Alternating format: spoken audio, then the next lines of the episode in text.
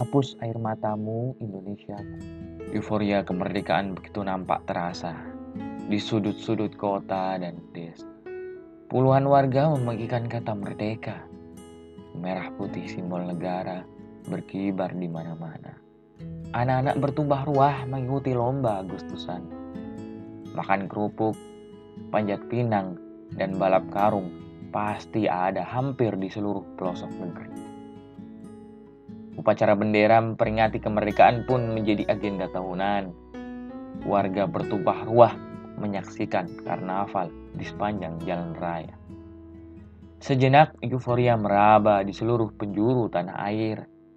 Ya, itu hanya euforia setelah tiga abad lamanya Indonesia dijajah. Seketika kita tak sadar, penjajahan model baru masih ada di tengah-tengah kita. Budaya luhur semakin luntur, adat istiadat tanah air semakin asing didengar, Ibu bertiwi menangis sejadi-jadinya. Predikat paru-paru dunia semakin redup tertutup. Kabut asap tanah Borneo dan Sumatera. Dari ujung Aceh hingga ujung Papua, ragam flora dan fauna terancam punah dihabisi tangan-tangan manusia.